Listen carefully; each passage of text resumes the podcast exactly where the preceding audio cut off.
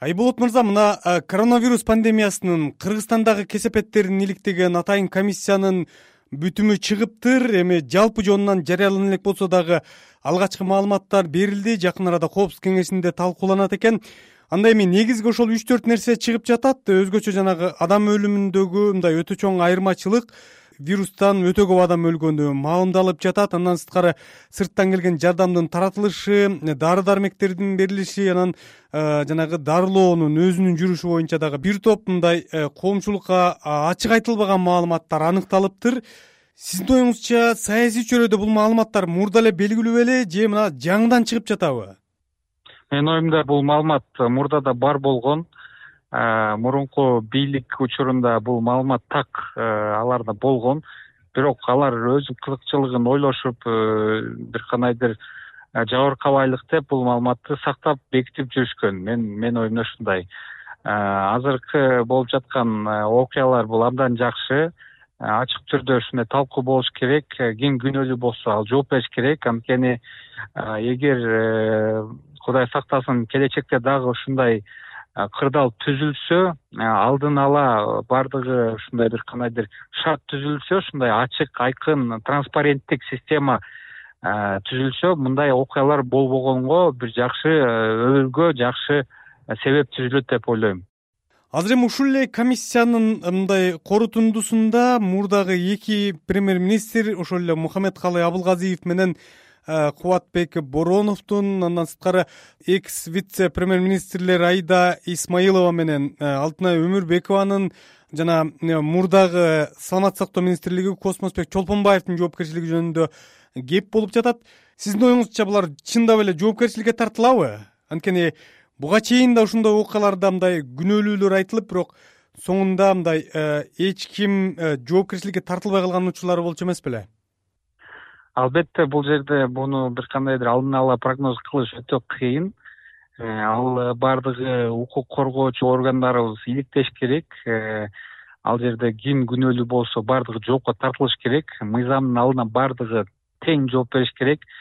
Э, бирок албетте бир факторлор катары айтсак болот ошол учурда ошол кара калгалан июль учурунда кыргызстанды башкарып турган адамдар ошол айтылган кишилер болгон. Э, и албетте алар болсо э, бир кандайдыр ошол болуп жаткан окуяларга жоопкерчилиги э, бар. Ошол себептен мындай алдын ала иликтөөсүз аларды күнөөлүү деп айтканга алышмын. Бирок менин оюмда алар албетте бир кандайдыр күнөөсү бар. Эгер иликтөө ушул азыркы комиссиянын негизинде чыныгы таза иликтөө жүргүзүлсө коомчулукка баардык маалыматтар айтылса Э, эгер алар чындыгында ошол э, жардамды уурдаганга катышса э, статистиканы түшүргөнгө кандайдыр аракеттерди жасаса ошол себепкер болсо албетте алар жооп бериш керек. И болушунча жообу катуу болуш керек деп ойлойм сиз негизи ошол коронавирус пандемиясына байланыштуу жагдайлар жөнүндө көп билдирүүлөрдү жасап келесиз. Андан жабыр тарткандар менен дагы көбүрөөк иштеп калдыңыз. Жалпы жонунан ушул коронавирус пандемиясынан биз кандай сабак алдык? Эмнелерди эске алыш керек экендигин түшүндүк? Менин оюмча азыр э, мына июльдан бери жарым жылдан көп убакыт өттү. Э, азыркыга чейин бул пандемия дүйнө жүзү боюнча болуп жатат. э, кыргызстанда мына күндөн күнгө азырынча саны көбөйбөсө дагы бирок бул оору таркап атат. Мына кечээ эле күнү үч адам кайтыш болуптур ушул оорудан ушул себептен. Анан азыр айтып жатышат англияда жаңы штаммы чыкты бул оорунун ал тез тарайт деп.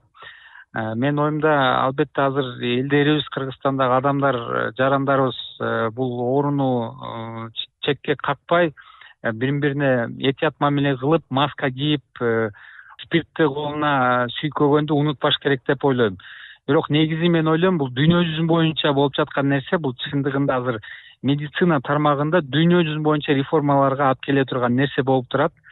И кыргызстанды дагы бул таасир болот. Э, эгер азыркы э, ушул министерстводо иштеп жаткан адамдар түшүнбөсө жакын убакытта түшүнүшөт э, булар бунун баардыгы аягында реформаларга алып келип кандайдыр бир тазалануу түз жолго алып келе турган нерсе деп ойлойм. Эгер бул туура биз колдонсок ушул азыркы болуп жаткан окуяларды.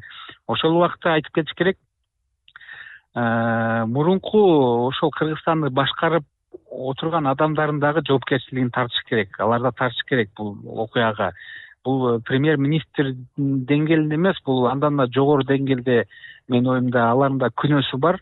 И ошону дагы ачык түрдө баардыгы айтылыш керек. Ким кандай катышкан э, ким эмнеге жооп берген эмне себептен ушунча адам э, мындай тынчтык убакытта ооба кырылып өлүп э, согуш убактында дагы мындай адам кыргызстанда өлгөн эмес эч качан. Анан ушу тез убакыттын ичинде бир айдын ичинде ушунча адам кырылып кеткенине албетте ар бир адам жооп бериш керек ошол ким качышса